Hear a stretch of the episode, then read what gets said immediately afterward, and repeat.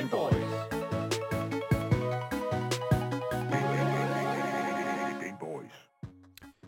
Hvis du har fulgt med i, hvad der foregår her på Game Boys, ja, i hvert fald inden for de sidste par dage, ja, så ved du, at vi er draget ned til den tyske by i Køln, for simpelthen at deltage i Europas største spilevent, nemlig Gamescom.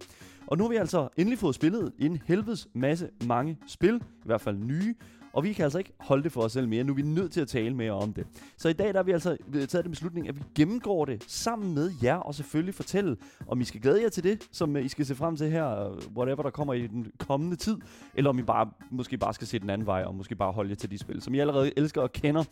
Mit navn er Daniel Mølhøj, og overfor mig, der har jeg min fantastiske medvært, og selvfølgelig også spilanmelder her på programmet, Asger Bukke. Velkommen til. Yes, yes. Velkommen til, velkommen til. Hvis du sidder derude og også glæder dig til et spil, som her udkommer øh, i løbet af resten af året 2022, ja, så skal du altså endelig skrive det til os på vores Instagram eller vores fællesskabs Discord. Og link til det, yes, det kan du altså finde i vores podcast beskrivelse. Du lytter til Gameboys, Danmarks absolut eneste gaming-relateret radioprogram. Lad os komme i gang med at gennemgå de spil, som vi har spillet her til Gamescom 2022.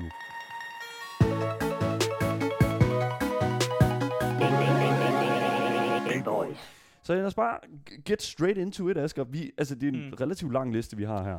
Ja, den er meget lang. Men det er jo kun long. godt. Ja, Så kan folk også tro på, at vi rent faktisk har lavet noget, og vi ikke bare har øh, bare siddet og kigget på en eller anden øh, event eller sådan noget. vi har, vi har ikke bare kigget på YouTube-streamsene, we promise. Vi sidder faktisk ja. i en Airbnb lige nu i Køln, og har det umådeligt varmt, fordi det er rigtig, rigtig varmt hernede. Men det, det der er med det, det er jo, at det har også været sindssygt varmt. Ikke bare sådan rent, øh, hvad hedder det nu, sådan værmæssigt, men også fucking med alle de ting, vi har lavet. Mm. Altså det har virkelig været sådan en glow-hit, en maskinen har kørt på højeste gear, føler jeg virkelig. Mm. Øhm, og lad os bare gå straight into det første sådan, øh, sådan det første sådan event eller jeg sådan ikke man skal kalde det, men altså sådan den klynge af spil, som vi jo et eller andet sted gik ind til på første dag, nemlig i onsdags.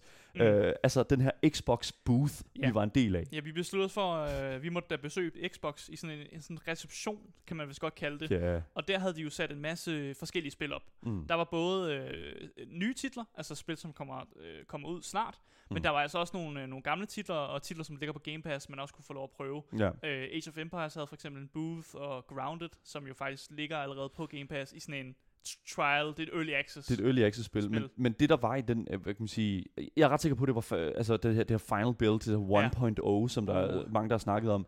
Øh, der var en livestream, hvor der sådan, de talte med øh, en udvikler, som Mm. står bag Grounded, og der var ret mange øh, kommentarer nede i, i, i, i, de- til den sådan livestream, der spurgte sådan, er cool.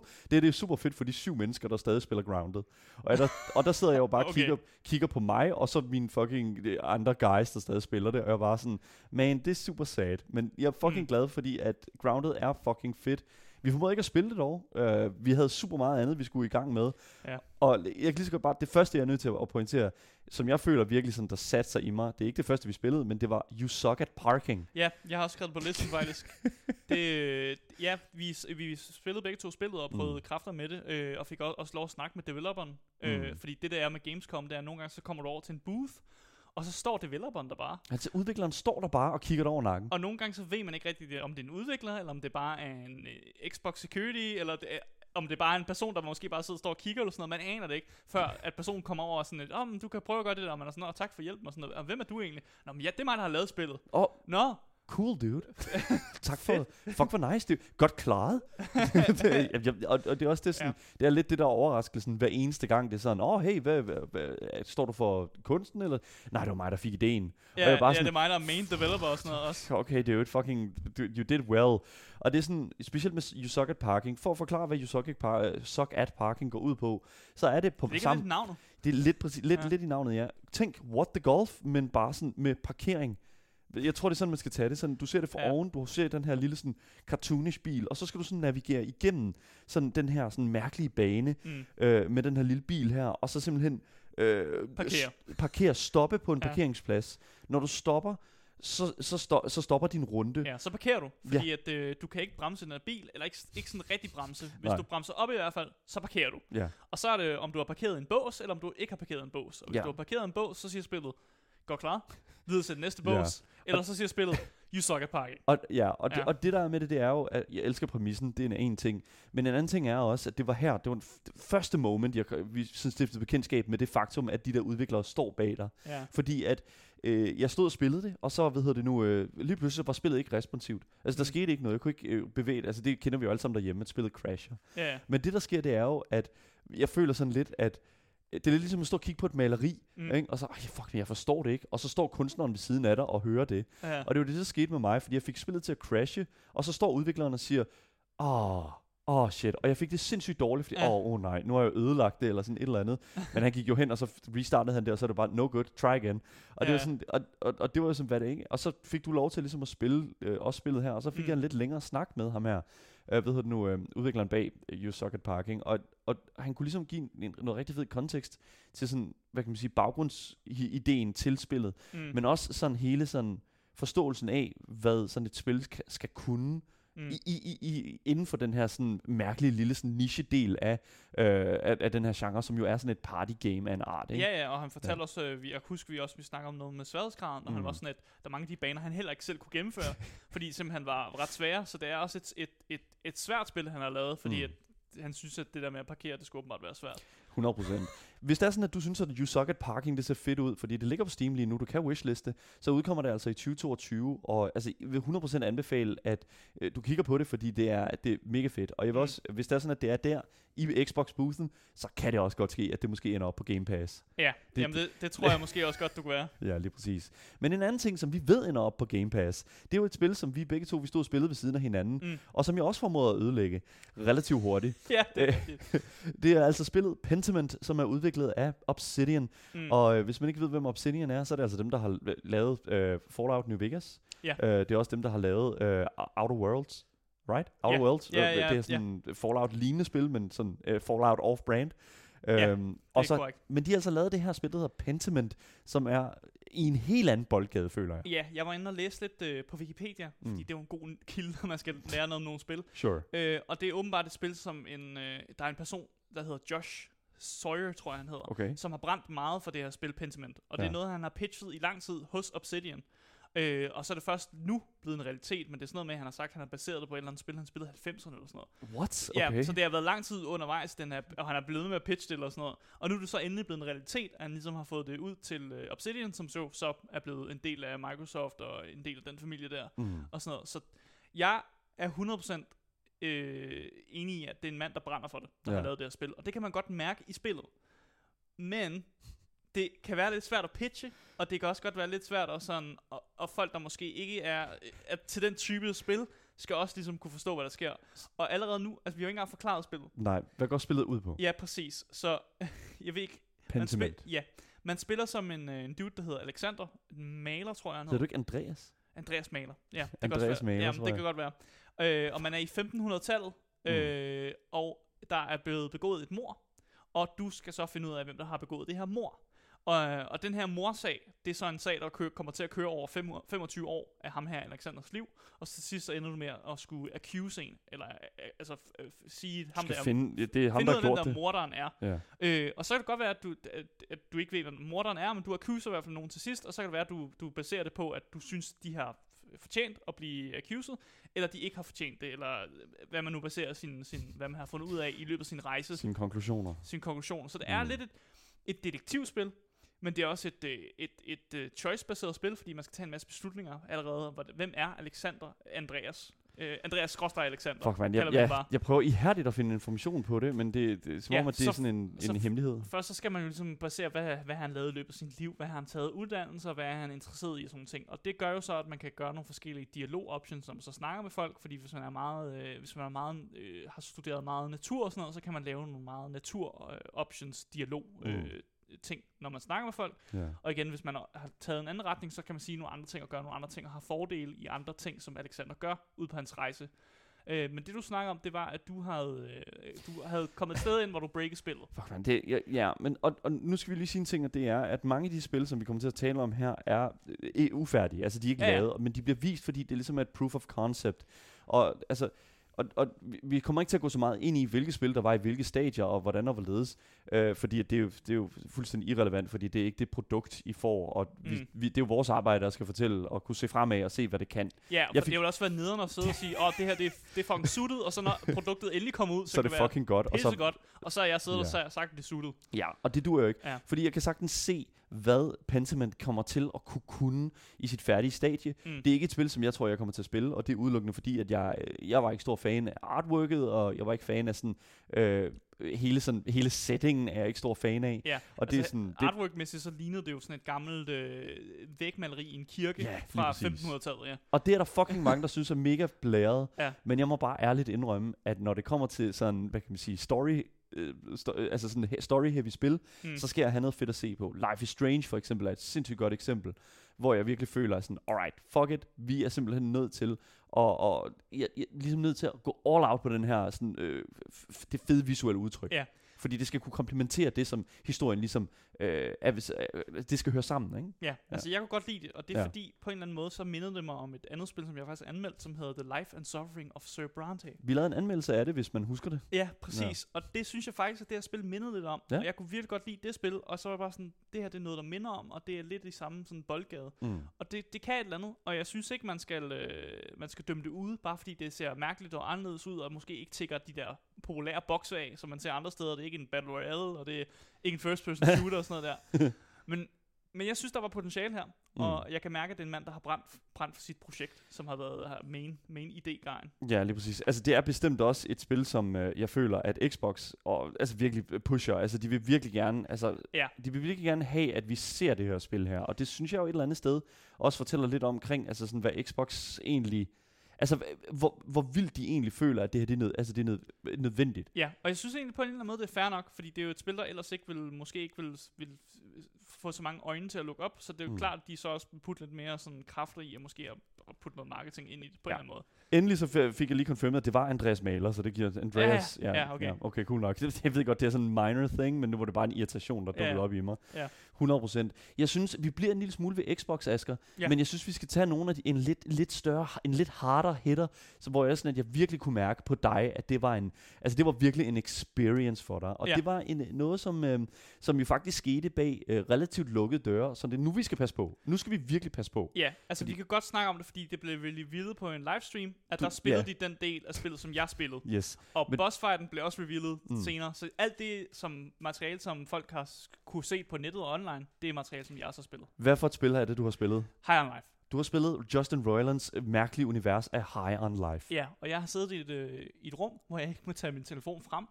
Og det var næsten sådan, at man, øh, de der developers, de kiggede på en, som om man, man blev skudt, hvis man gjorde det. Øh, og det var developersne for Squanch Games. Ja. Øh, de var meget amerikanere, øh, Ja. og var meget excited om at høre, hvad man synes om spillet, og sådan gad at lytte til, når man er færdig sådan ting. 100. Øh, og det var seriøst en, øh, det var en fed oplevelse. Ja. Øh, og jeg kan huske, at jeg fortalte dem, at hold kæft, hvor er jeg glad for, at de laver deres spil. Ja. Fordi det her er en first person shooter, som er så langt væk fra alle andre first person shooter, der findes derude. Kan du ikke prøve at sådan give en, et lille overview af sådan, altså hvis man ikke ved, hvad High on Life er, Mm. kan du ikke prøve sådan at forklare sådan et eller andet sted, altså, hvad går det ud på? Ja, altså du spiller som øh, et menneske, øh, som lige pludselig finder ud af, at der kommer aliens til jorden, og de aliens, de finder ud af, at mennesker, de er et fucking godt drug. Altså de er, de er crack cocaine for yeah. aliens, åbenbart. Så øh, ens forældre bliver kidnappet af de her aliens, og de er ved at blive øh, malet om til, til, drugs eller et eller andet. Og så vil man jo gøre det heldemodigt, og det er selvfølgelig at redde sine forældre, og selvfølgelig også at redde menneskeheden fra Mm. at blive lavet om til drugs. Mm. Og så får man hjælp af en race af, jeg ved ikke, guns, sådan våben, våben. som har Våben. våben. er fuld bevidsthed. Ja, Altså, med fuld de- de, bevidsthed. Ja. så de teknisk set er de ikke våben, men de fungerer jo ligesom våben i dine hænder, Ja. selvom de er aliens. Øh, for det er det, de er. Ja. Og så bliver det jo sådan et lidt wacky adventure, hvor at øh, du er en lidt en silent protagonist faktisk, som får fortalt historien igennem de her våben, som jo så guider dig og ligesom også hjælper dig og, og laver meget. De laver dialogen, de laver Mm. meget storyen for dig. ja. Og det er jo så dem, der hjælper dig med at sk- skade din familie og, og redde andre af de her øh, sentient våben, Ja. som du så finder på din vej, og ligesom gør dit arsenal større af våben, som man måske faktisk kender fra andre first person shooter, hvor man opgraderer sit arsenal af våben. Mm. Men det gør det bare på en sjov måde. Ja. Altså, Altså, det, det er- oh det er my god. Justin Roiland, Rick and Morty, Rick and man, Morty, kan, det man kan mærke, at den er Rick and Morty sådan mentalitet og den måde at gøre ting tingene på, den er bare blevet puttet ind i det spil. Men det er sjovt, fordi det er ikke Rick and Morty ting at gøre ting på. Det er sådan Justin Roiland ting at gøre Ja, tingene på. Det er, sådan, det er ham, der sådan gør det. Og det er også en anden ting, som, som jeg synes er helt vildt fucking fedt. Og det er, uh, nu kommer vi nok til at tale over os. Jeg kan ikke, jeg, uh, jeg ved det ikke. Jeg, jeg, åh, blev det vist i traileren? Blev det ikke vist i det der livestream der? Men der kommer måske til at være nogle rimelig awesome voice actors, Ja. som vi kender fra andre steder. Ja, det blev ikke vist i traileren, så Nej. det, du må ikke sige, hvem det er. Jeg siger ikke, hvem det er. Men øh, der er noget virkelig godt øh, voice acting Ja. ja. talent. Det er ikke kun Justin Roiland, der laver sin, øh, sin Rick og Morty stemme. Nej. Det, der er også nogle øh, gæste voice actors inde, og det er også noget, som øh, developeren øh, sagde, at de har brugt meget tid på at finde Men- rigtig gode voice actors. Præcis, og man kan måske også se, altså sådan Rick and Morty og sådan, altså det er jo at- Adult Swim, ikke? Altså sådan, Ja. og man har jo nok kigget en lille smule på sådan det, altså det, den familie, og så er man jo nok sådan et eller andet sted, åh, er der nogle talenter at finde her? Ja, Justin Roiland kender også en masse, masse andre voice, voice talent, som de har inviteret ind i en booth. Sikkert nok. Og det er altså Ja. det med, med til at gøre hele det univers meget mere levende, og meget mere fedt, og gøre de der karakterer super fucking farverige. Ja. Fordi øh, udover at selvfølgelig at være visuelt farverigt High on Life, så er det altså også bare, altså, der, der er virkelig meget udtryk i de her personligheder. Ja, om, Specielt også i noget af det, som øh, blandt andet der blev vist i- i den her livestream af High on Life, hvor der er sådan, at man skal ind og hente den her kniv her. Ja. Ikke? Altså, de og står knifey. knifey. Altså, det, er Ja. jo, det er jo de her to øh, ved nu, væsener, som du skal ind og hente kniven fra, de står jo sådan og, og prøver at sælge dig den her kniv her, som du Ja. skal hente, hente, altså sådan redde nærmest, ikke? Mm. Øh, hente tilbage til en, øh, en, en gammel snigmorder, ikke? Ja. Og så, hvad hedder det nu, øh, så skal de sælge det. Åh, du vil gerne lige se kniven også, ikke? Ja. Okay, du tager den op i hånden, og så siger du, nu gør du ikke noget, noget dumt med den. Nej, det er med at stikke mig ned, som kniven gerne vil have, du gør. og så stikker du dem selvfølgelig ned, som kniven gerne vil have. Ja, altså der er vildt meget sådan noget meta-humor Ja. i løbet af hele spillet, og det, jeg elsker det, når, når, når spillet bare siger til mig, gider du være med at rende rundt her, kom nu bare videre, du skal, du skal herover. for helvede."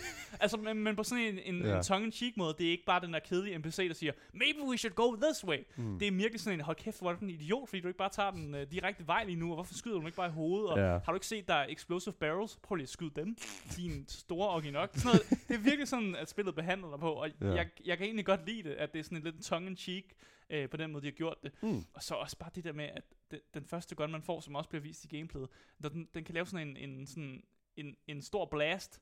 Og hver gang man laver den her blast, det virker som, næsten som om det er seksuelt for den her gun. Oh. Åh. oh, ja, åh, oh, oh. Og, det, og det, det, er jo, det er jo samme stemme, som Morty har Det er i Rick Morty. and Morty. Ja, lige præcis. så det lyder bare som om, det er Morty, der får en eller anden det- orgasme. Eller Nej, sådan men det er, jo, det er jo Justin Roiland. Det jo Ja. ham, der har fået en orgasme, fordi det er ham, der har lavet de her spil. Jeg ved det ikke. Vi, det, det her, det bliver Ej, bare... det, jeg, jeg tror, det bliver fedt. God og, damn. og øh, altså, det, det, man har set indtil videre nu, det, det spiller bare max. Det gør det. Fucking nice. Det Jeg, jeg glæder mig sindssygt meget til High on Life. Vi kommer heller ikke ud med det, men Pentiment, som jo sagde, Game Pass, Pentiment, øh, november 2022. Ja, øh, Og men, High on Life er december 2022. 2022. Så det er stadigvæk 2022, og det, øh, det er jeg virkelig, virkelig glad for, at det er lige rundt om Ja, hjørnet. de rykkede on Life til, Ja. øh, netop til december. Ja. Øh, bare lige en, en, en service. Ja, Note. lige præcis. Også et par små ting, som vi spillede. Ikke noget, vi behøver at gå super meget ind i. Vi, øh, øh, vi var en tur forbi øh, Sea of Thieves, øh, også i den her Xbox booth. Ja. Øh, selvfølgelig, hvad det, vi ellers lavede ved Xbox boothen, det kan man se øh, i noget af det videomateriale, som vi snart øh, lægger op. Ja. Øh, men en anden ting, som øh, selvfølgelig også skete, det var jo, at vi skulle gennemføre sådan en parkourbane i Sea of Thieves. Ja. Det gik ikke super godt for mig. Det gik Nej. heller ikke super godt for dig. Nej. Vi fik en uh, participation, uh, eller sådan en, en deltagelses øh, Medalje. medalje, som var sådan en, sige. en popsocket til, øh, til, sin, til min telefon, så den sidder på min telefon nu. Ja. Jeg fik Øhm, også øh, lov at spille The Last Case of Benedict Fox. Benedict Fox, ja, som er et spil, der kom ud i 2023. Ja. Øh, og der stod øh, developeren også lige bag mig. Øh, noget jeg også opdagede lidt sent, da han fortalte mig, at jeg har fundet en item, som ingen andre havde fundet i løbet af spillet. Nu skal det, Det også var lige, tidligt på dagen. det var tidligt på dagen, første dag til hele Gamescom, og det, er sådan, Ja. det, det siger ikke så meget. Jeg tænker, der er andre, der kan finde ud af, hvordan man skal lave et double jump. det, det er det eneste, jeg har at sige om det, det, der. det skete nok mere. ja, det tror jeg også. Men, men, men vores hvad hedder det nu, evner som gamer, de kommer altså frem senere i nogle af de spil, som vi har spillet her senere i dag, og, og øh, som er blevet bekræftet af de her udviklere her. Ja, Men vi, vi, vi kommer til det. ja. Vi kommer til det, fordi lad os lige blive en tur her ved, uh, i, i Xbox Boothen, lige det sidste spil, som vi spillede der nemlig, Mm. som var et spil, der hedder Gunfire Reborn. Ja. Folk har nok spillet det før, måske? Det er et spil, som kom ud i 2021, Ja. øh, 18. november, har Ja. jeg noteret mig. Øh, men det, der var ting, det var, at øh, så vidt jeg husker, Det er en console. så var det noget med, at det kom ud til konsol. Ja. Og jeg ved heller ikke, om de havde åbenbart havde et samarbejde om noget med noget Game Pass eller noget. Mm. Det, det Formentligvis. Måske. Altså, der er jo nok en grund til, at de står i Xbox-boothen, tænker jeg. alle de ting, som jo alle de ting, som jo var i Xbox Boothen, føler jeg sådan dukket op øh, med Game Pass til. Lies of P havde jo, hvad hedder det, altså det her sådan Bloodborne, øh, mm. yeah, to be, we're gonna talk about it, men det, det, det, det, det kommer jo også til, til Game Pass first day. Så altså, jeg tror, at alle de ting, der ligesom var i den her mm. øh, booth, dukker op på Game Pass, fordi det ligesom var det, der var reklamen mm. rundt omkring den her bod her. Der var fucking spore på, på, på loftet. altså, sådan, det var det, virkelig, virkelig en bizarre bod, ja, men det, det var super, super fed. Um, 100%. En af de mere normale boder, for jeg ja, faktisk sige. Du siger bizarre, ikke? Men det var faktisk en af de mere normale ja, det var steder. faktisk, den var rimelig low. Men udover det, så er det, altså Gunfire Reborn, jeg har ikke spillet det før. Jeg, jeg er ikke mm. en af mm. dem, som har spillet på PC, øhm, og det ved jeg heller ikke, om der er så mange andre, der har. Uh, men jeg vil i hvert fald sige, at det var, det var faktisk ikke en kedelig sådan roguelike shooter, mm. som man jo, øh, som, som, man jo, som der er ret mange, mange af i dag, føler jeg. Ja. Det er en first person roguelike shooter i sådan en cartoonish style. Ja, man spiller som sådan nogle mærkelige, øh, altså vi spiller som sådan en kattevæsen, ja. så det er, det er sådan nogle væsener, man spiller. Og så har du en masse forskellige granater, og så har, uh, dropper der en helvedes masse forskellige våben også i de her sådan, mm. øh, baner, som du skal igennem. Ja, man kan vel godt kalde det en form for looter shooter. Det er, ja, looter shooter, ja, det er en ja. meget god idé. Men jeg synes faktisk, at det var ret underholdende. Jeg var, jeg var underholdt i den tid, som vi spillede. Yeah. Øhm, og, og altså igen, det, det, det er, hvad det er. Hvis det dukker op på Game Pass, mm. øh, det dukker jo nok op på konsol Game Pass, hvis man skulle tro det. Jeg ved ikke, om det... Måske også PC Game Pass. Hvis det er sådan, at det er en, det er en del af en, uh, hvad hedder det nu, en, en, en release på konsol, yeah. så giver det vel mening på Xbox Game Pass. Ja, yeah, yeah. I don't know. Det, det, det, det, det, det er alt, hvad jeg har at sige til det spil. Yeah. Altså, det var et morsomt spil. Det var, øh, det var Gunfire fint. Reborn. Ja, det var fint. det får et, uh, en konsol release til oktober i år, altså 2022. Ja. Så hold øje med det, hvis det er sådan, at det er noget, I uh, søger efter, og synes ser rigtig, rigtig fedt ud. Så synes jeg, vi skal hoppe en lille smule over til en, en, en anden oplevelse. Um, og det er uh, hos en udvikler, som hedder Freedom Games. Ja. Ikke en udvikler, en uh, udgiver. Udgiver, ja. Øhm, det var en lille smule ærgerligt, fordi det, det var lidt noget rod, fordi de havde lidt nogle problemer med at få sat deres stand op i tide. Og, øh, og, og de havde en masse laptops, der var blevet taget 12, var det de sagde? De, de var fanget i 12, de var fanget i Frankrig. Freedom Games er et fransk, et fransk udgiver, ja. Ja, publisher. Og de havde en hel masse udstyr, som var fanget et sted, så de var nødt til ligesom at make do med, hvad de havde. Ja, og, og der var noget med, der var en, der købte en laptop også, ja. som var sat op i den der stander, man kunne spille på og sådan noget. Det var meget øh, makeshift, så, og der var en masse developer, der var ja. nødt til at tage hjem og sådan noget. Det var helt fucked. Som en person, som forstår hvad hedder nu, tekniske problemer øh, i et produkt, man producerer, ja. 100% jeg havde så meget medfølelse for de her mennesker ja, ja. her, fordi det er så ærgerligt. Vi fik også rykket den dag, vi faktisk havde booket med dem ja. for at spille de her spil. Den fik vi rykket en dag, netop fordi der var så mange problemer med Lige det. præcis. Men det skal altså ikke tage noget fra de spil, som vi spillede hos dem. Vi formåede at spille to spil. Øh, begge to. Øh, en er altså lidt mere end den anden, fordi at, der var nogle problemer med det ene og det andet, ja. i forhold til at forstå, øh, hvordan man starter en, øh, en demo. Men hvad hedder det nu? Det første spil, jeg spillede i hvert fald, det var det, der hed Mail Time. Mailtime er et utroligt farverigt, øh, sådan næsten sådan øh, smølferne-agtigt spil, hvor du spiller som en, øh, hvad hedder det nu, øh, spiller som sådan en, en pige med sådan en mushroom på hovedet, som, mm. som sådan en hat.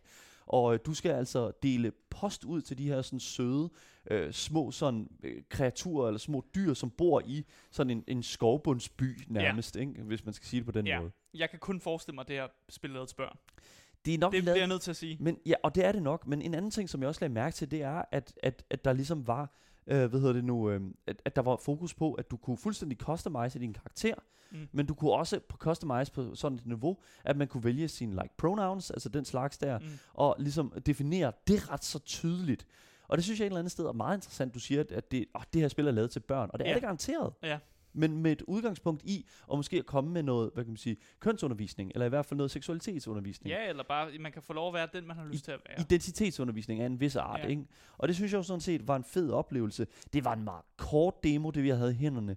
Men ja. det skal selvfølgelig også siges, at jeg ikke ved, hvor langt øh, udviklingen var på det her spil, fordi at udvikleren ikke var til stede. Nej, og det var øh. også meget, øh, der var ikke, det, var ikke, det var ikke et actionspil det her. Det var det overhovedet Det var meget en, øh, tæt på, tæt på en mm. walking simulator platformer. Nej, det vil jeg nu synes, det er lidt sagt. Der var lidt platform Der er platforming, ja. du kunne flyve rundt med en, øh, hvad hedder nu, sådan en, en uh, ligesom man, uh, for eksempel i, uh, i Legend of Zelda, uh, Breath of the Wild for eksempel. Mm. Altså der har du ligesom sådan en ting, du kan flyve rundt med, og så kan du ligesom hoppe, uh, hoppe rundt til sådan træer og dele post ud. Ja. Det er derfor, det hedder mail time. Ja, det var ikke et Asger-spil. Det, det var ikke et Asger-spil, men jeg, kunne, Ej, jeg kan, kan sagtens, men jeg kan sagtens se appealen ved det. Det er et super flot spil, og jeg, det var en lille bane, men der var enormt meget sådan at undersøge. Der var også collectibles og den mm. slags. Meget simpelt spil, og hvis det, hvis det er sådan en ting, som kunne dukke op på Game Pass, så er der garanteret nogle børn, som jeg tror, ville Ja. synes, det var helt, helt Ja. fint. Der, så kan man sætte sit barn foran, foran skærmen. En ting, der ikke var så børnevenligt, det var et andet Freedom Game-spil, som vi øh, spillede der, og det var altså Nine Years of Shadow. Ja. Nine Years of Shadow var et øh, Metroidvania-spil. Mm. Uh, hvis man ikke kender den genre, så er det sådan Metroid og Castlevania-agtigt, sådan igennem baner og finde, øh, finde boss. Hollow Knight er også et godt eksempel på, øh, hvordan det føles at spille Mm. Nine Years of Shadow. Det var utroligt flot, rent kunstnerisk. Der var sindssygt mange, jeg ved, meget pixel art, men meget sådan høj øh, defineret, høj, altså høj øh, opløsnings pixel art. Mm. Du spiller den her karakter her, som har sådan en spyd, som du kan øh, lave forskellige... Ja, lige hedder du, præcis. ja. Ja. og så flyver du ligesom rundt i de her baner her med det her spyd og laver forskellige ting og sager. Um, og så skal du ligesom dodge væk fra abilities, ligesom i, i Souls-like spil. Uh, men, eller uh, Hollow Knight er nok mere sådan the, way to go. Ja. Og så skal du ligesom prøve at, ligesom, at komme igennem de her baner, løse, løse nogle øh, puzzles og øh, undgå at dø, for eksempel. Det er meget unforgiving, det her spil. Ja. I den tilstand, som jeg stod og spillede i. Den Ja. demo, jeg spillede. Det var meget unforgiving. Det var en, øh, også en lidt, øh, jeg vil ikke vil sige dårlig tilstand, vil jeg sige. Men igen, det kan rettes, det kan fixes, Det det, kan kan være, stadig det kommer, fixes. spillet kommer ud i en bedre tilstand. ja. Men som, som det var, da vi prøvede det, der synes jeg virkelig, det var yikes. Og så var der også øh, problemet med, at jeg kunne simpelthen ikke komme videre fra et eller andet, fordi at øh, det, ham, der stod ved siden af, kunne ikke hjælpe mig med, hvad, hvad der skulle gøres. Og det Ja. viser så, at det var fordi, man skulle charge sin, te- charge sin teddybjørn op og skyde med den. Hvis man ikke ved, hvad vi snakker om, det tager Ja, charge altså, det- teddybjørn. Ja, ja, men det var... Se noget gameplay. Jeg anede ikke, at man skulle charge den af teddybjørn, og jeg anede ikke, hvordan jeg gjorde det. Jeg rendte rundt der helt lang tid, jeg spurgte ham, der stod der, hvad fanden, om han vidste det, og han var sådan, prøv, har du prøvet det her? Og så begyndte han at tage controlleren og begyndte også og prøvede også at lave alt muligt, og jeg, sådan, jeg har trykket på alle knapper, der findes, og sådan noget. Jeg kan simpelthen ikke finde ud af, hvad der foregår, det kunne han heller ikke. Så kommer du over, og så kunne du også, du kunne godt finde ud af det. så fikser jeg det. Jeg aner ikke, hvordan du... Fucking epic gamer moment. Ej, men det er jo sådan, det er jo selvfølgelig fordi, at, at det handlede om, at man skulle sådan lige, sådan, I don't know, trial and error, ikke? Og det er sådan Ja. lidt ærgerligt, når der er sådan, at, fordi det er sådan det første screen, man ser i demoen nærmest, det er bare det her, mm. hvor du sådan dukker op øh, inde i sådan en hop nærmest, sådan et samlingspunkt ja. i banen, og så skal du skyde en dør åben. Det er sådan det, der var med det. Ja. Og så er du bum, så er du videre. Og det er sådan, udover det, så synes jeg faktisk, at selve spillet var relativt fint. Der var en lille smule med Der var nogle movement. bosser, der også var noget, noget cheese. Noget cheese. Jeg kunne sådan stå på, øh, på, på god afstand og stå og skyde dem. Øh, det er sådan nogle ting, man ligesom skal fikse øh, i post. Det kan stadig nås, og jeg kan sagtens se, at hvis det bliver nået, så er der en relativt hektisk og action-packed oplevelse i Nine Years of Shadow. Ja. Øh, så jeg tror bare, det er der, jeg vil lægge den et eller andet Ja, sted med, med Freedom. sig. De skal Ja. skynde sig med at fikse tingene, for det kommer altså ud i to, øh, 2022. øh, Det kan sagtens nås. Det er fine-tuning, det her. Jeg kan Ja. sagtens se dem gøre det.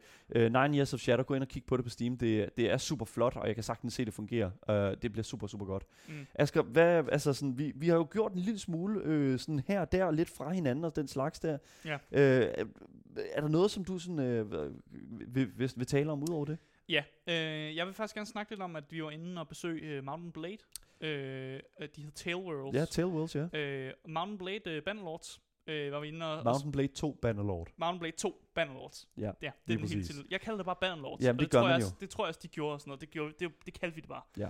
Øh, vi var inde og spille noget af det. Det er et spil, som er kommet ud. Ja, Mm. jeg har også snakket om det på programmet for godt stykke tid siden, da, det Ja. kom, da det endelig kom ud i Early Access. Det er stadig i Early Access, øh, og det kommer det nok til at være et stykke tid, virker det som om. Øh, men det, de kunne vise, og det, det gameplay, der var, det, øh, det spillede ret godt. Men Øh. der er en ting, jeg er simpelthen nødt til at pointere her. Og Ja. det er simpelthen, at en ting er, at spillet er fucking godt. Bannerlord er fucking godt. I love that shit. Det er også meget strategisk Yes. tungt. Ja, det er det. Det er, hvad det er. Det er Ja. jo sådan, det er jo Mountain Blade, sådan er det. Ja, Men jeg er simpelthen nødt til at sige, dem, som sidder og laver det spil, de er simpelthen nogle af de mest fantastisk søde mennesker, jeg nogensinde har mødt Ja. i den her industri. ja, De er ærlige, de er simpelthen øh, for, de er fuldstændig indforstået med, hvordan den her industri er skruet sammen, og hvordan kulturen fungerer. Ja. Altså sådan, sådan noget for eksempel som modding-scenen, altså de er, de er altså, som, som studie Tailwells, er 100% indforstået med, yes, modding er 100% med til at gøre vores spil bedre. ja. De sagde, det, det, det, det, er det, der holder deres spil i live jo. Ja, Når folk går ind og modder det og bliver ved med at spille spillet, så jeg kan godt se appealen med, at man siger, ja, selvfølgelig, vi elsker modders. ja. Hold kæft, det er dejligt. Let's fucking go. Og det, Og det sagde de, de sagde Ja. jo faktisk også, at grunden til, at, at Bannerlords kom til eksistensen, det var fordi, der var rigtig mange, der har moddet deres Mm. første Mountain Blade, og så tager man jo nogle af de ting, som moddersne allerede har, ligesom har lavet og har gode idéer, og så putter man det bare ind i sit andet spil, sit Ja. næste spil og sådan noget. Ja, lige præcis. Og, det er jo, og, og vi, vi snakkede om en hel masse forskellige ting, der er sådan noget, og også lidt omkring fremtiden. Det kan vi så ikke sige så meget om. Nej, vi gav dem nogle idéer, Vi gav dem nogle idéer, og, de, og, og, og, og det virkede faktisk som om, vi, det var nogle gode idéer. og, det er sådan noget, og det er ikke noget bedre, når man sidder inde i sådan et lukket rum. Fordi vi sad og spillede jo, ikke? Vi sad og spillede, øh, Ja. spillede det, øh, og, og havde en, øh, en udvikler ved siden af os, en creative, øh, creative director, og pludselig kigger vi bagom os, og så er der bare alle, som arbejder, altså alle, der var til stede i hvert fald fra Tailwords, der stod sådan hurdled rundt omkring os, Ja. og, og lyttede til, hvad vi sagde. Og, sådan, og, og jeg elsker sådan, at den der følelse af, sådan, at man gav dem en idé, og så står de og kigger lidt på hinanden. Sådan. Så, sådan, okay. det, der, der, det, det kan da godt være, det, det skal ind i et spil. Skal vi, skal vi, kan vi sige, hvad, hvad det var for en idé, vi gav dem? Ja, det Fordi kan vi hvis godt. det så kommer til at være i, Det er jo en det, original idé, Let's som go. vi er Det- kommet med. det, vi er kommet med den, så, så det, kan det ikke være hemmeligt. det jo. kan traces tilbage til os. Det kan trace, vi kan, så kan vi kalde den, når det så kommer ud i det næste spil. Ja. Okay. Så det vi foreslog, det var, fordi jeg har jo spillet lidt Mountain Blade Bannerlords. Ja. Og det man kan, man kan jo lave alliancer, og man kan ligesom hjælpe hinanden og, og, og, og join op med andre, med andre herrer og sådan noget der. Mm. Men det vi foreslog, det var simpelthen, at man kan manipulere. For eksempel kan man øh, manipulere to fraktioner til, at de måske angreb hinanden. Det var i hvert fald den idé, vi havde. Mm. Det er ikke noget, man kan i spillet, men det var noget, vi foreslog, som, som man kunne gøre. At man får to fraktioner, og så siger man, hey, øh, det der fraktion derovre, kan du ikke lige angribe dem? Og for eksempel måske går man over til den anden og siger, hey, kan I ikke angribe den anden? Og så starter man sådan, får man dem til at starte krig mod hinanden, uden at det er, man aktivt er en del af det på en eller anden måde. Da Asger sagde det, der kiggede de på hinanden, og så kunne jeg seriøst se tandhjulene køre i deres hoveder. ja, det var sådan, mm. For det første, hvordan får man det til at fungere? Og for det andet garanteret også sådan, er det noget, der er fedt? Og, det, Ja, og, og, det var, sådan- og så går snakken jo, Og så ikke? snakkede de jo det om, at det kunne være mega, det kunne være mega nederen som spilleren, så hvis man så blev opdaget i, at man, man prøvede at være sådan deceitful, eller man prøvede at snyde nogen, mm. Og så sagde jeg bare, jamen det er jo måske også meget fedt, at man, øh, den ikke går. Den Og ikke så- går hver gang. Og så tror jeg, det, jeg tror, det er der, den- altså hvis ja. det sker, hvis det sker, at det kommer ud så, på den måde der, så, så, så kan jeg godt sige, så sparker jeg en dør ind, og så siger jeg, we did that. I, I, I, Ja. we, we, we did done that. Og, Ja. og bare sådan ren og skær fucking øh, sådan hovmod, eller sådan hmm, hmm, hmm, stolthed, ikke? Ja. Men altså, Mountain Blade øh, 2 Bannerlord er 100% et spil, som jeg fucking elsker. Ej, jeg elsker det. De havde altså også en fed, øh, en fed båd nede på gulvet også. Kæmpe ja. båd, og man kunne få taget billeder med sådan nogle rigtige øh, øh, viking Vikinger, ja, lige præcis. Vi, fik, vi fik taget et billede, øh, som Ja, ja, ja. jeg inkluderer i noget videomateriale også senere. Ja. Men, det, men 100%, altså, Banner, Mountain Blade havde en fed oplevelse. Ja. Ja. Mountain Blade havde en fed tilstedeværelse til Gamescom 2022. Ja, de havde tapas, da vi kom ind også. Det- Wow! fucking Fedt. the, the Gamescom tapas. Ja, og fik en fed taske også. Ja, ja, okay. Det, alt Ja. det der, det, skal vi, det snakker fedt. vi om i Ja, næste ja, uge, ja. fordi der er altså en kæmpe, det er en kæmpe oplevelse, det at komme til Gamescom, men det er en meget, meget, meget større samtale. Mm. Ved du, hvad jeg hellere vil snakke om? Ja, Jeg vil fucking hellere snakke om Amazing Frog. Okay. okay, så... Ja.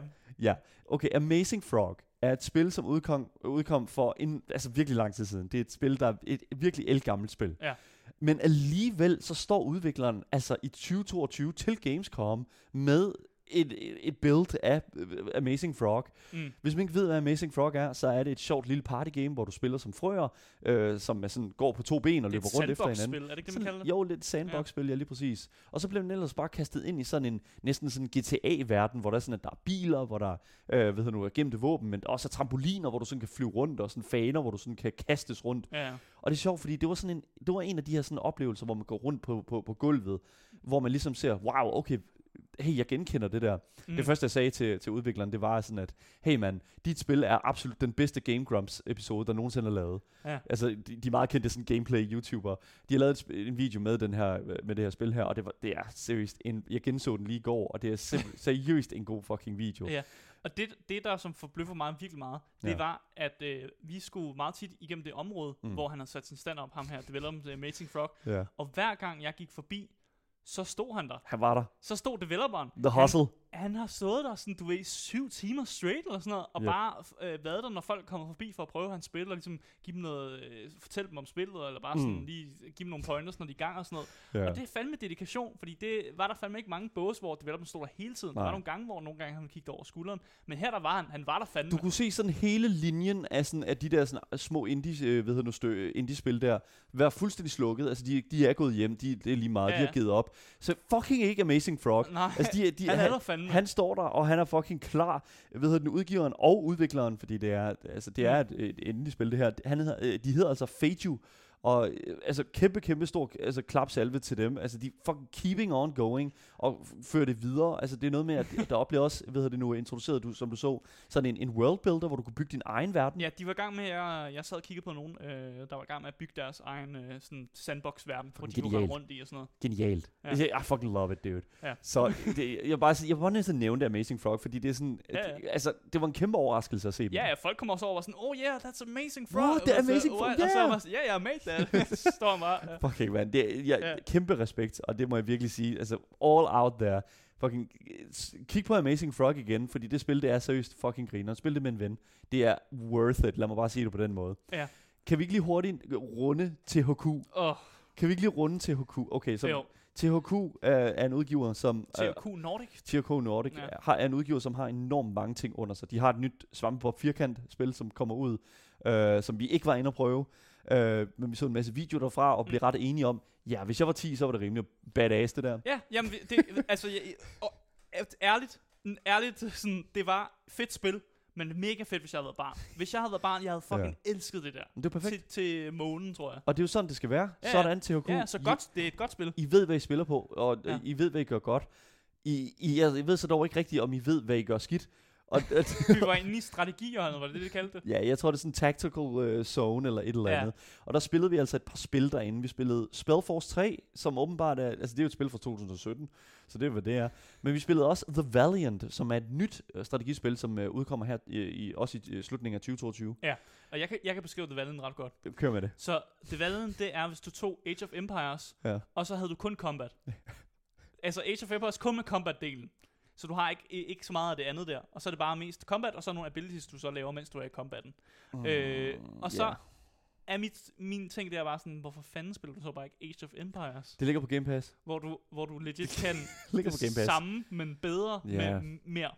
Det er lidt, det er, og det er lidt ærgerligt, ikke? Fordi jeg kunne godt lide det visuelle udtryk af The Valiant. Ja, jeg, ja. kunne godt, jeg kunne godt lide, hvor, hvor meget spillet egentlig fortalte dig, du, at, som du ligesom havde mulighed for. Altså, der var sindssygt godt UI, føler jeg. Ja. Man skulle lige ind i det, sådan er det med mange nye ting jo. Men The Valiant havde bare sådan en, en rimelig god sådan accessibility, hvor der er sådan, at sådan, de her ting virker nu, de her ting virker nu, du kan lave de her abilities her, Mm. mm. og du har dine minions eller dine uh, units er her og her og her.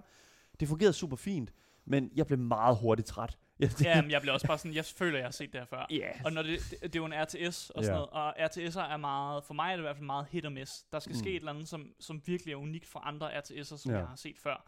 Og det her, det var ikke, altså det er ikke Command Conquer, det er ikke Age of Empires, og det er heller ikke Starship Troopers, som gør noget helt fucking vanvittigt. Lige præcis. Altså, jeg skulle lige til at sige det, som gør noget helt andet, ikke? Og, ja, og, noget helt andet. Ja, og det, det, det her sådan, var ikke noget andet. Nej, lige præcis. Og det er super ærgerligt, fordi jeg, kan godt, jeg kunne godt lide The Valiant. Jeg synes bare, at det, det fuck man, der er bare så meget andet derude. Ja, der er nok et publikum Jeg- for det et ja, sted. Men sikkert. det, det var ikke mig. Nej, overhovedet ikke. En anden ting, som vi også spillede, øh, som også var under THQ-navnet, det jo selvfølgelig også øh, Destroy All Humans 2 Reprobed. Mm. Um, vi fik en hands-on af det her, den her sådan genudgivelse af et uh, PlayStation 2-spil. Ja. Og jeg må sige, det, det, var, det var fint. Ja. Det- Jeg hyggede mig. Jeg Det var synes, det var mega sjovt. Jeg det fik, jeg fik lov at flyve rundt i den der saucer og sådan noget. Det var, ja. det var, det var good fun. Ja, altså det her, det vil jeg sige, det er, hvis det er sådan, at du ikke har spillet toren, så vil jeg helt klart sige, altså invester i det her, fordi det er, det, det er et sjovt spil, hvor du har utrolig meget frihed, Mm. og hvor at jeg føler, at karaktererne, øh, som er i det her spil, virkelig bare øh, gør, giver et godt grin. Ja, Altså sådan, historien er mega sjov, og det er sådan, altså gameplaymæssigt, det er en ting, som, hvor, hvor jeg føler sådan, det gameplay er en lille smule outdated. Altså, Ja, det, vi er, det er, er lidt, lidt- outdated. Der er også lidt sandbox over det på en eller anden måde også. Og, og det er, hvad det er. Der er sådan en lille smule sådan, at der er forskellige missioner rundt omkring Mm. i den her by her, som du kan gå rundt til og, og, og ligesom at udføre nogle forskellige ting. Og sådan. Der er noget med nogle hippier og sådan lidt jo. Hvis man har spillet toren, den originale, øh, så er det, er det, giver det jo fin mening. Mm. Men jeg ved også, at der er et par nyheder at finde der i, så hvis det er sådan, at du har spillet toren, så tror jeg stadig, at Reprobed godt kunne øh, få have noget value. Ja. Det er i hvert fald fucking flot. Øh, jeg ved ikke, om vi spillede det på en PlayStation 5. Det øh, tror jeg måske, vi gjorde.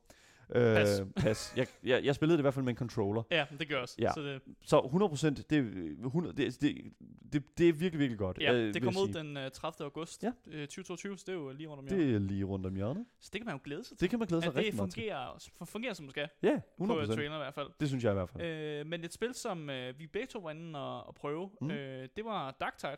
Dark Tide. Som øh, jo faktisk er blevet rykket lige sådan Ja. Lige inden det skulle udgives, så besluttes lige for, at det skulle rykkes til 30. november. Hvis ikke man ved, hvad Darktide er, så er Darktide, altså et, det, det er sådan et, et hårdt mode, øh, sådan team shooter-spil, ligesom Left 4 Dead for eksempel, mm. eller Vermintide, som jo er, egentlig er den her, altså Darktide er ligesom sådan, øh, den spirituelle fortsættelse Ja, og til så, Vermintide. så foregår det i Warhammer 40.000 Ja, øh, universet. universet, Ja. og ikke i det mere sådan med, medieval Warhammer-univers. Mm. Så det her, det var futuristic uh, rumskibe og mærkelige uh, prisoners, som du spiller som, som mm. bliver sendt ind for at lave the dirty work. Ja. Øh, og det var, Good shit. Altså, det, var- det var pretty good. Det var sådan, det var, jeg følte som om, jeg spillede Vermintide bare med nogle guns. Du fortalte mig, at vi spillede i en halv time. Det gjorde vi også. Jeg for føler, real, for real, ærligt talt, jeg føler, at jeg spillede i et kvarter. Altså, Alle, det- de det- sessionsene what? var en halv time. Jeg det, var, siger- det var det. Jeg ved ikke, jeg føler, de cuttede os short. Fordi, Nej, men det, det, det samme, når man spiller Ja. Vermintide. Når man spiller en hel bane igennem, så Mm. en bane i Vermintide kan godt tage to timer. ja. Og så man spillet den igennem, så må... Ah, var. Ja, det kan det Ah, godt. var. Åh, det kan det godt. Okay, du spiller langsomt. Jeg, ved- jeg ved Nej, ikke, nej, nej, nej, nej. jeg det føler er ikke, den tager to timer. nok. Du, så en time i hvert fald at spille sådan en, en bane igennem, hvor man laver en masse objectives og sådan noget der. okay. Og det er lidt den samme stil, der er her. Øh, Jeg kan bedre lide det her, fordi der er et eller andet ved at spille nogen, øh, nogen der har nogle guns, Mm. som øh, bare er federe. Altså, jeg, jeg er 100% sikker på, at jeg, at jeg uanset hvilket stadie, som Vermintide kommer ud i, Mm. uh, undskyld, uh, undskyld, Darktide, Dark uh, Tide, ja.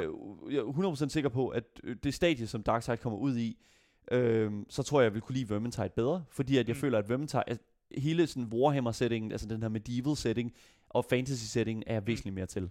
Ja. Jeg er ikke så meget til den her fremtids space setting, og som I også hørte i vores øh, hedder nu, snak omkring sådan opening night og alle de her spil, der bliver annonceret, Mm. altså så var der bare meget space. Ja, Og ja. jeg, fuck, jeg, øh, jeg, jeg blev bare træt.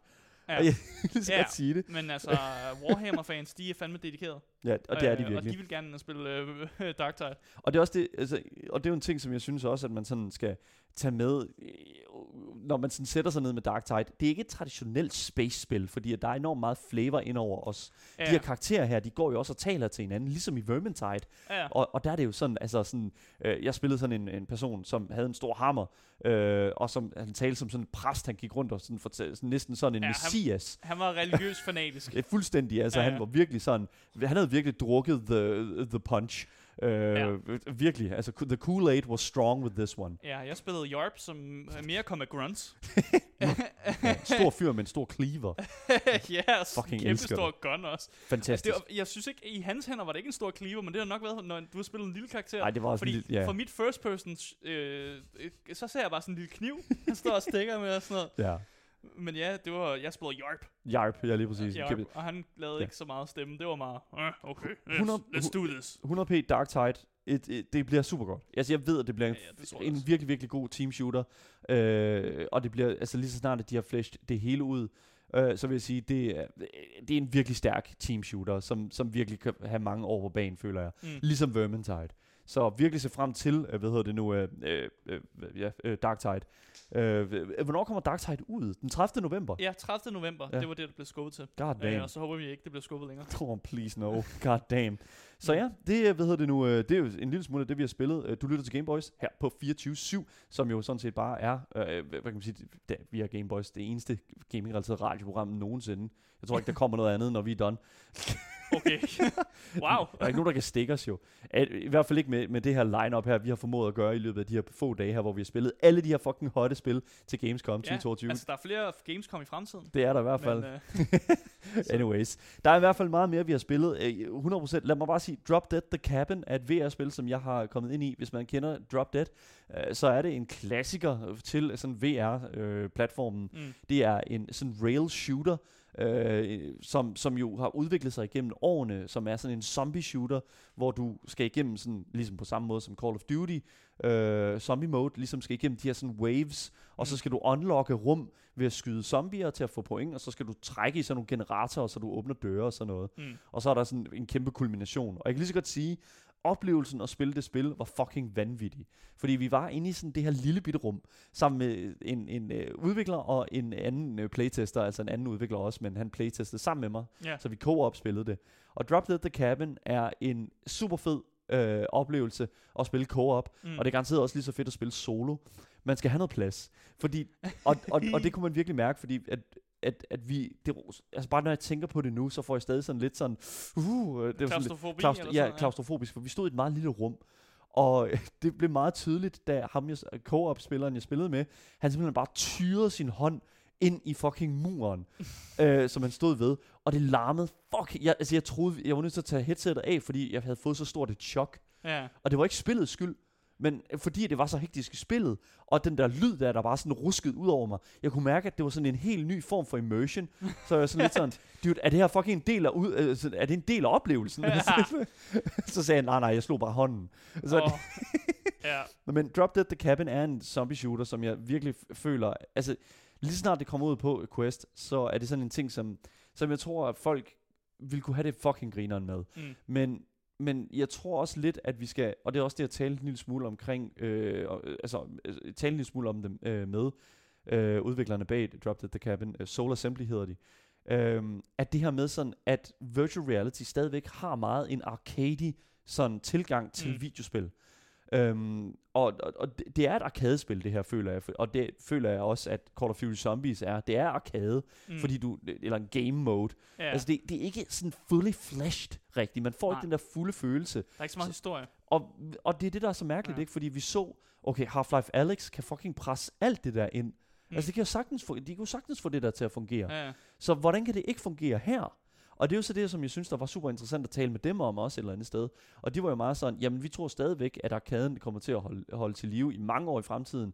Øh, Half-Life Alyx var øh, en ener, og det er svært at gengive det, Mm. fordi det kræver simpelthen prioritering fra et studie.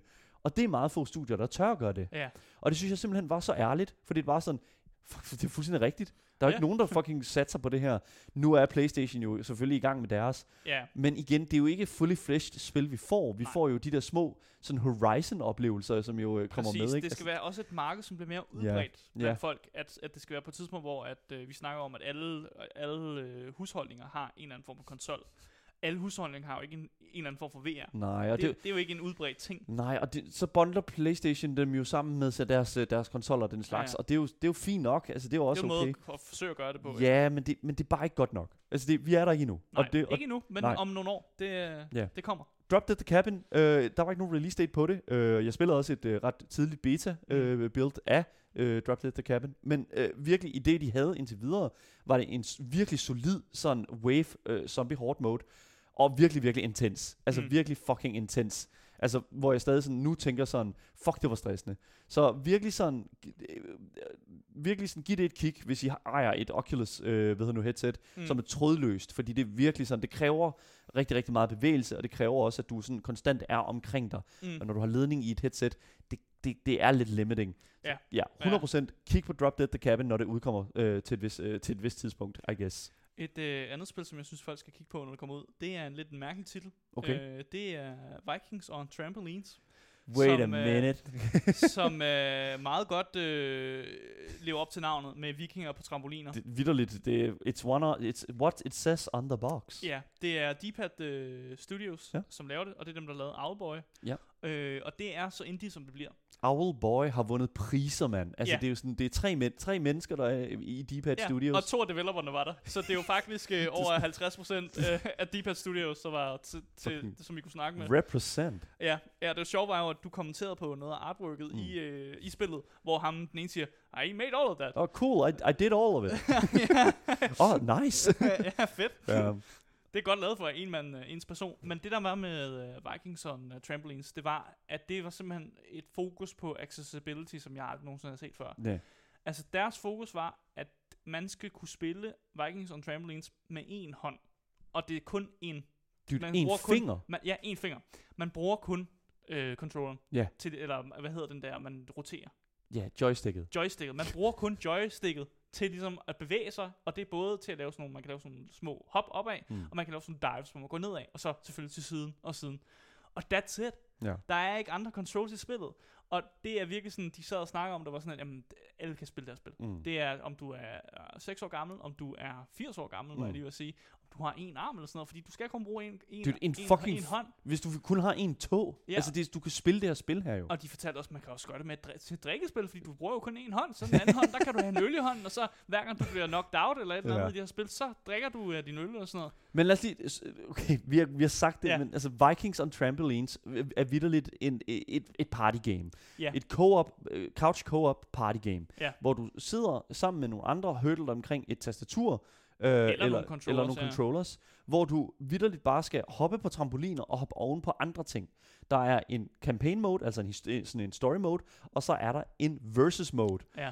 Ved du, campaign-moden er meget sådan, du går igennem verdener, ligesom i Super Mario for eksempel, hvor du ligesom vælger nogle forskellige ting, og så skal du ligesom kæmpe imod en masse øh, forskellige bosser, Ja, og Øh, forsøger at samarbejde også. og forsøge at samarbejde ja, lige Ja. præcis, om at ligesom at hoppe oven på de her bosser. Mange af sådan, de der boss fights føles meget som sådan, øh, Super Mario 3, mm. øh, hvad hedder det nu, øh, til Super NES'en, som øh, sådan, altså de der boss battles, du har med de der sådan, øh, Bowser, øh, hvad er de, sådan junior, Bowser Junior, Ja, Bowser Jr. ja, lige præcis, de der sådan, de flyver rundt i de der sådan, øh, hvad hedder det nu, sådan Små helik- ja. helikopterhoveder. Øh, Ja. hoveder.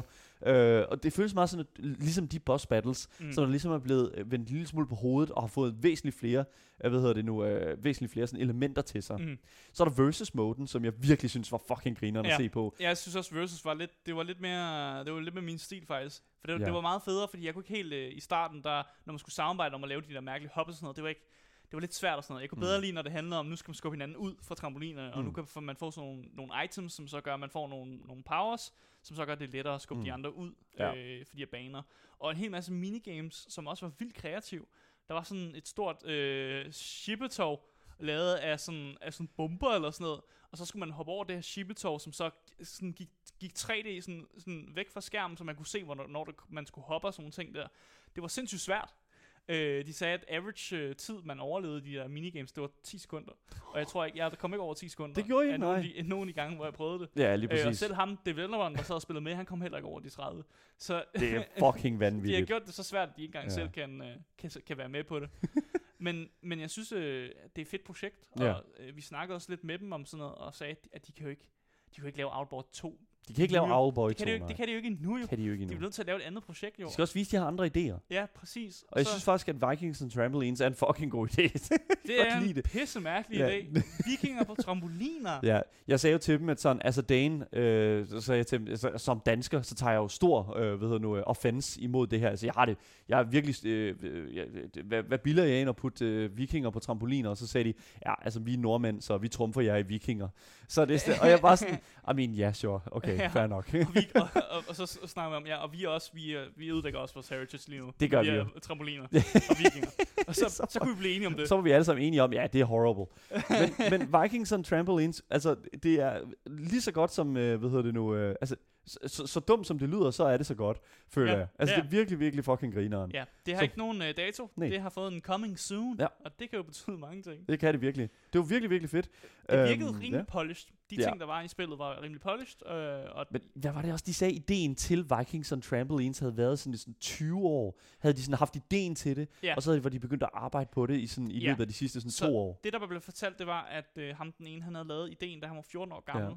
Øh, og på det tidspunkt, der havde han, øh, havde han svært ved at finde ud af, øh, hvad, kont- hvad controlsene gør i forskellige spil. Ja. Så derfor havde han ideen om at lave et spil, hvor controlsene var så simpelt, at alle kunne være med. Mm. Og det blev så, at controlsene var, du skal bare kunne bevæge dig. Mm. Så er det det. Du Ja. behøver ikke at vide, hvad X gør. Du skal ikke bruge X. Mm. Du behøver ikke at vide, hvad Y gør, eller vide, hvad, nogen, de, øh, hvad right trigger gør, eller sådan noget. Hvad fanden? Det skal du ikke bruge til noget. Du skal bare kunne bevæge dig. Ja. Og så er du der. Ja. Så er du med. Og, og det er det, jeg elsker det. Og, de, og det er også det, de, de, det mindset, som det mindset, som, som, som de ligesom havde, Deep Studios, Mm. til netop at lave videospil, var simpelthen bare så pure. De virkede som om, de hyggede sig. Virkelig sådan, Helvede we til. love this shit. Og det er sådan, Ja. ah, vi, vi skal til Tokyo her lige om lidt. Og det er bare sådan, hell yeah, man. Ja. Fucking love you guys. Så kæmpe, kæmpe stort, altså sådan kæ- kæmpe fucking klapsalve til Deep Studios med Vikings on Trampolines. Uh, jeg kommer til at holde øje med den her titel. Vi spillede på en Switch, uh, mere kan vi ikke sige. Og så vil jeg sige, kig på det, fordi det er 100% et spil, som skal spilles lige snart det kommer ud. Mm. Men et andet spil, som øh, jeg også er nødt til at pointere, at jeg fik lov at spille her til Gamescom 2022, det er, altså, og det er virkelig top tier gamer moment, det her, føler jeg. Det er sådan virkelig, det, det er the perfect storm. Mm. Altså the solar eclipse af alle fucking gamer moments. mm. Jeg stillede mig vidderligt bare op til, altså sådan, øh, den der, øh, til Gamescom er der jo sådan, øh, de her sådan halls, mm. som man kan gå ind i, og så er der sådan business-delen, som præsten kan komme ind til. Og jeg gik simpelthen op til, jeg gik simpelthen op til Lies of P, Mm. så, øh, og deres businessbod og spurgte, hey, har I drop in øh, til ligesom at komme ind og spille det? Og ja, det havde de. Ja. Så Lies of P er et steampunk, øh, sådan Souls-like Pinocchio-spil. Ja. Og ja, det er selvfølgelig, der er taget nogle kreative Minder om friheder. Bloodborne. Det minder om Bloodborne på mange måder, og det, ja. Ja. det er Bloodborne. Jeg ved ikke, altså det er Bloodborne, men væsentligt mere steampunky, føler Mm. jeg. Øh, og væsentligt mere sådan playful med den sådan, øh, den sådan verden, det worldbuilding. Men Lies of P er et super fucking solidt Souls-like spil. Mm. Altså det er enormt godt, og jeg, jeg, jeg, altså, jeg det her, øh, den her sådan, uh, tid her, man havde til at, ligesom at spille det, jeg fik at vide, vi havde 15 minutter. Vi havde et kvarter til at spille, mm. så jeg, prøv, jeg prøvede jo at skynde mig helt vildt. Men det, der så sker, det er, at IGN kommer ind i boden og vil interviewe selvfølgelig ham, der har lavet... ham, der har ja, lavet spillet. Ikke? Altså sådan, det er Som jo var til stede, og han mindede om sådan, jeg kan ikke beskrive ham andet end som Hideo Kojima-agtig ja, det er sådan der, virkelig sådan øh, Ja. energisk øh, lille fyr, som øh, elsker at gå rundt og kigge. Ikke? Altså sådan det, og, Ja, ja, og så når han lavede interviewet, skulle han lige have en oversætter med ind, fordi at Ja. så god var han heller ikke til engelsk. Nej, men det der også er med det, det er sådan, at han kom hen til os, og så pegede han lige på skærmen, ah, prøv lige at gå ind og kigge der, og prøv lige den der ja. I stedet. Og det er virkelig en Kojima-ting at gøre, det der med sådan, jeg har nogle yndlingsting i spillet, og det skal du prøve. Ja, Og det synes så, jeg er fucking Og så fedt. sagde han, du skal lige vælge det der våben. Og så var der sådan en kæmpe stor kanon, man kunne skyde med. granatlauncher. Som jo legit bare gjorde dagens gameplay lidt, øh, lidt, lidt, go. lettere og lidt federe på en eller anden måde. Men hele grunden til, at jeg nævner det der IGN-interview med, med, med udvikleren af Lies of P, det var jo, at det interview, det tog jo lang tid. Ja, Og- så kan de ikke smide os væk. Og så kan de jo ikke smide os væk. Så vi står jo der, og vi... Øh, altså, jeg har spillet, jeg har spillet, jeg ved ikke, hvor lang tid det var. Var det over, det var over en halv Det var time? over en halv time, du får lov at spille. Over en halv time jeg fik lov til at gå igennem Lies of P, Ja. hvor jeg vidderligt bare sådan, altså det her, det er et enormt, det er et enormt stærkt, øh, hvad hedder det nu, Souls-like spil, som har sin egen ret, som har sin egen verden, Mm. som altså virkelig bare har øh, virkelig, virkelig, altså, virkelig potentiale til at indtjene sig den fulde respekt for Souls-like, øh, sådan fanbasen. Ja. Altså, Det var lidt the talk of the town. det var fordi det. at uh, Ja. Lies of P var også et spil, som var til stede ved Xbox-boothen. Fordi det jo kommer ud på Game Pass. Ja, og der var kø. Der var Hold kæft, dernede der var med kø. mange, der ville spille Lies of P. Yes. Øh, jeg lavede bare drop-in. Ja, Øh, ja, ja. Men, men, Op i men, businessområdet. ja, lige præcis. Altså, og jeg- gav jo op på det tidspunkt til at skulle øh, ind og spille Lies of P ned i øh, Xbox-boothen, Ja. fordi øh, køen var så lang. Og, og det var sådan, det er jeg faktisk rigtig, rigtig glad for, at jeg gjorde, fordi at jeg føler, tror virkelig, at jeg ville have følt, at jeg ville spildt spil tiden. Mm. Øh, fordi at derinde fik man ikke særlig lang tid til at Nej, spille, nemlig. Præcis. Og der stod ikke en energisk Hideo Kojima-agtig type bag dig og prøvede at, at fortælle hvad der var fede ting i spillet. Nej. Så jeg fik lige virkelig den helt perfekte måde at spille Lies of P på. Det var virkelig på den der måde der. Ja. Ja. Ekstra lang tid, og virkelig fucking, altså virkelig fik lov til, jeg fik lov til at level op, jeg fik lov til boss Mm. battles. Altså, de Du var nåede virkelig... ikke at lyve for ja, nogen, nej, det, som var en core ting i spillet. præcis. Ja. Altså, ja, ja, whatever. Det, jeg, I don't Det know. hedder Lies of Ja, selvfølgelig gør det det. En ting, jeg virkelig godt kan lide, og sådan er det bare. Jeg er bare nødt til at sige det, men loading barn, det er altså, det er Pinocchios næse, der vokser. Ja. Let's go. Og hvor mange Det- procenter han lyver med. jeg fucking elsker det. Ja, Jeg synes, det er så fucking fedt.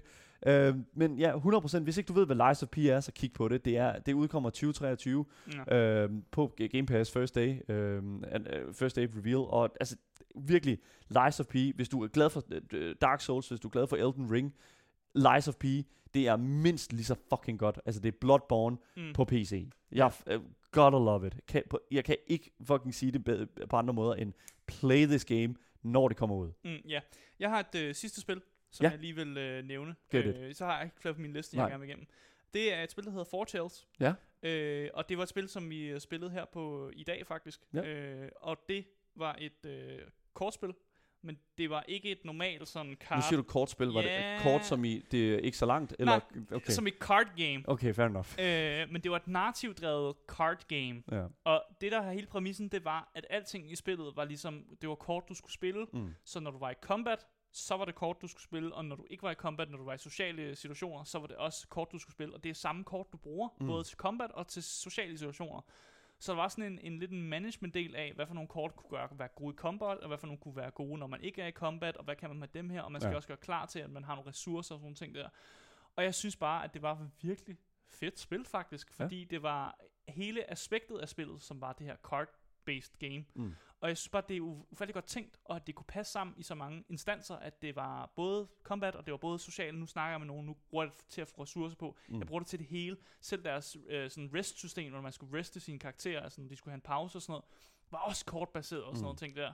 Og at man, det man gjorde i spillet, det øh, gjorde, at man unlockede nogle andre karakterer. Det vil sige, hvis du var meget aggressiv, og du battlede meget, eller skød meget, og lavede meget aggressive ting, så fik du også andre aggressive karakterer, du ligesom unlockede. Ja. Øh, og jeg synes bare, det var en fed visuel stil også. Det var sådan nogle dyr, man spillede. Mm. Og det var jo meget sådan, øh, man startede vist med en krave og med en tiger. Og kraven, det var meget sådan åh, vi skal ind og stjæle nogle ting og sådan noget. Mm. Og den der tiger var meget sådan, ja, ja, fuck, jeg skyder noget med min bue og sådan noget. Var meget sådan lidt aggressiv for sådan nogle ting der. Det var meget sådan stereotypisk, de her dyr og sådan noget, men jeg kunne egentlig godt lide det. Og det var, øh, det var nice. Jeg, var, jeg spillede også et spil for selv samme øh, udgiver, ja. Som øh, har udgivet Four Tales, og det er et spil, som, øh, som jeg faktisk ikke er helt sikker på, om jeg må sige navnet på, men jeg kan sige, at det var et fucking fedt Metroidvania-spil, øh, sådan 2D øh, pixel art-spil, som øh, er fra det her, den her udgiver, som hedder Dear Villages, et, en fransk ud, øh, udgiver. Ja. Fucking goddamn, det var faktisk dude. god udvikler. Ja, det var jeg, virkelig jeg overraskende. En good time, Ja, øh, og jeg kan fortælle, at Four Tales kommer ud i september Mm. mm. 2022, så det er lige rundt om hjørnet. lige rundt om hjørnet. Jeg glæder mig. Sidste spil, som vi formåede at spille, det er også det sidste spil, vi spillede i dag simpelthen, det er, det, det var også en vanvittig overraskende oplevelse faktisk. Det er et spil, der hedder Wanted Dead, øh, og, jeg må bare sige, Jeg var ikke helt super meget hype på det spil, da vi sådan snakkede om Overhovedet det, da, ikke. Da det kom ud med en trailer og sådan noget. men da vi kom der ind, Ja. og jeg fik det i hænderne, så må jeg simpelthen sige, I was blown away. Og vi fik også nogle meget energiske øh, developers, der virkelig gerne vil fortælle os alt, der var om det her spil. Præcis. Og det er virkelig...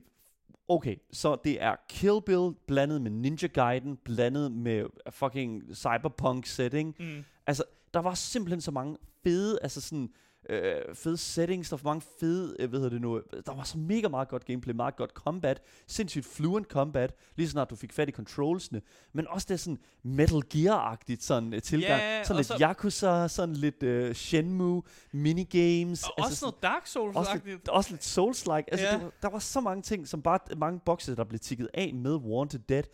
Og, og det er bare så vildt, fordi traileren gør det bare ingen justice. Nej, nej det, det gør er det virkelig. sindssygt. De skal have en bedre trailer. Ja, De skal have en meget bedre trailer. ja, de skal Fordi- kunne, kunne marketing det på, Ja. en, på en bedre måde, fordi det vi har set indtil videre har bare ikke, det har ikke været fyldesgørende i forhold Nej. til, hvad det her spil kan. Mm. Og, sådan noget. og når man sidder med det i hænderne, er det bare en helt anden Ja. oplevelse, og det, det, er bare, det True. er bare større end lige, end lige det, sådan det ser ud. Ja, Øh, og så er det igen, det er jo et Cyberpunk-spil, og det snakker vi faktisk også med developerne om, ja. at øh, Cyberpunk-spil er svære at sælge, efter mm. at der selvfølgelig har været et øh, 2077 kom ud, og det var ikke så godt, da det kom ud. Så jeg vil bare sige, hvis du har set traileren til Wanted Dead og siger, ah, det var ikke lige mig, vent til de laver en bedre trailer, til du ser noget mere gameplay, ja. Til du får, til, altså til du simpelthen får et større billede af det, fordi det er, Wanted Dead er fuck, altså det, it's gonna be so good, Mm. lige snart det udkommer. Det udkommer i 2022, og jeg, altså jeg kan kun sige, det er virkelig en, en af de der cases der, hvor at, at, at man sagtens kan komme til at sove på det, for, på grund af en dårlig trailer. Mm. Lad være med det. Lad være at snyde jer selv for den oplevelse, fordi det, er, det, det, it's a, det, det var en fantastisk oplevelse. Mm. 100%. Og jeg synes sådan set, det er der, vi skal lægge den. Det er altså alle de spil, som Asger og jeg, vi har formået at gra- grave til os af oplevelser her til Gamescom 2022 i Køln. Mm. Altså, goddamn. Jeg må virkelig sige, det har været en fantastisk fornøjelse at være hernede. Men vi er altså ikke færdige med at tale om Gamescom, fordi det næste program, vi laver, når vi selvfølgelig er tilbage i Danmark igen, i vores fantastiske studie hjemme i København, Mm. så skal vi jo selvfølgelig tale om hele oplevelsen. Det at tage til Gamescom 2022, selvfølgelig, men også Gamescom bare efter, selvfølgelig, øh, corona, og hvordan det var at være tilbage blandt så mange mennesker igen. Mm. Så det kigger vi på, og måske lytter vi til en lille smule interviews fra nogle udviklere, som vi selvfølgelig har taget dernede. Vi, er, vi, er jo ikke kom, vi kommer ikke tomhændet hjem, skal vi sige det på den måde. Men jeg synes bare, det er det. Jeg synes, uh, tusind tak til selvfølgelig dig, Asger, for at akkompagnere mig hernede Mm. til en fantastisk oplevelse, og selvfølgelig også tak til alle de udviklere og alle de udgivere, som har vil huse os, mens vi har været nede øh, til Gamescom. Det har været en kæmpe stor fornøjelse, så jeg tror, det er der, jeg vil lægge den. Hvis du sidder derude og gerne øh, bare godt kunne tænke jer at skrive ind, hvad I ser frem til af videospil i fremtiden, mm. Så kan I gøre det til os på Instagrammen selvfølgelig, og selvfølgelig også vores fællesskabs Discord, som øh, begge to er linket til i vores podcast beskrivelse, sammen med et lille cheeky giveaway link. Så lad os bare sige det på den måde. Tusind tak, fordi I lyttede med, og vi er selvfølgelig tilbage igen næste uge med meget mere gaming og meget mere Gamescom og Gameboys til jer top tier gamers. Vi ses derude. Hej hej.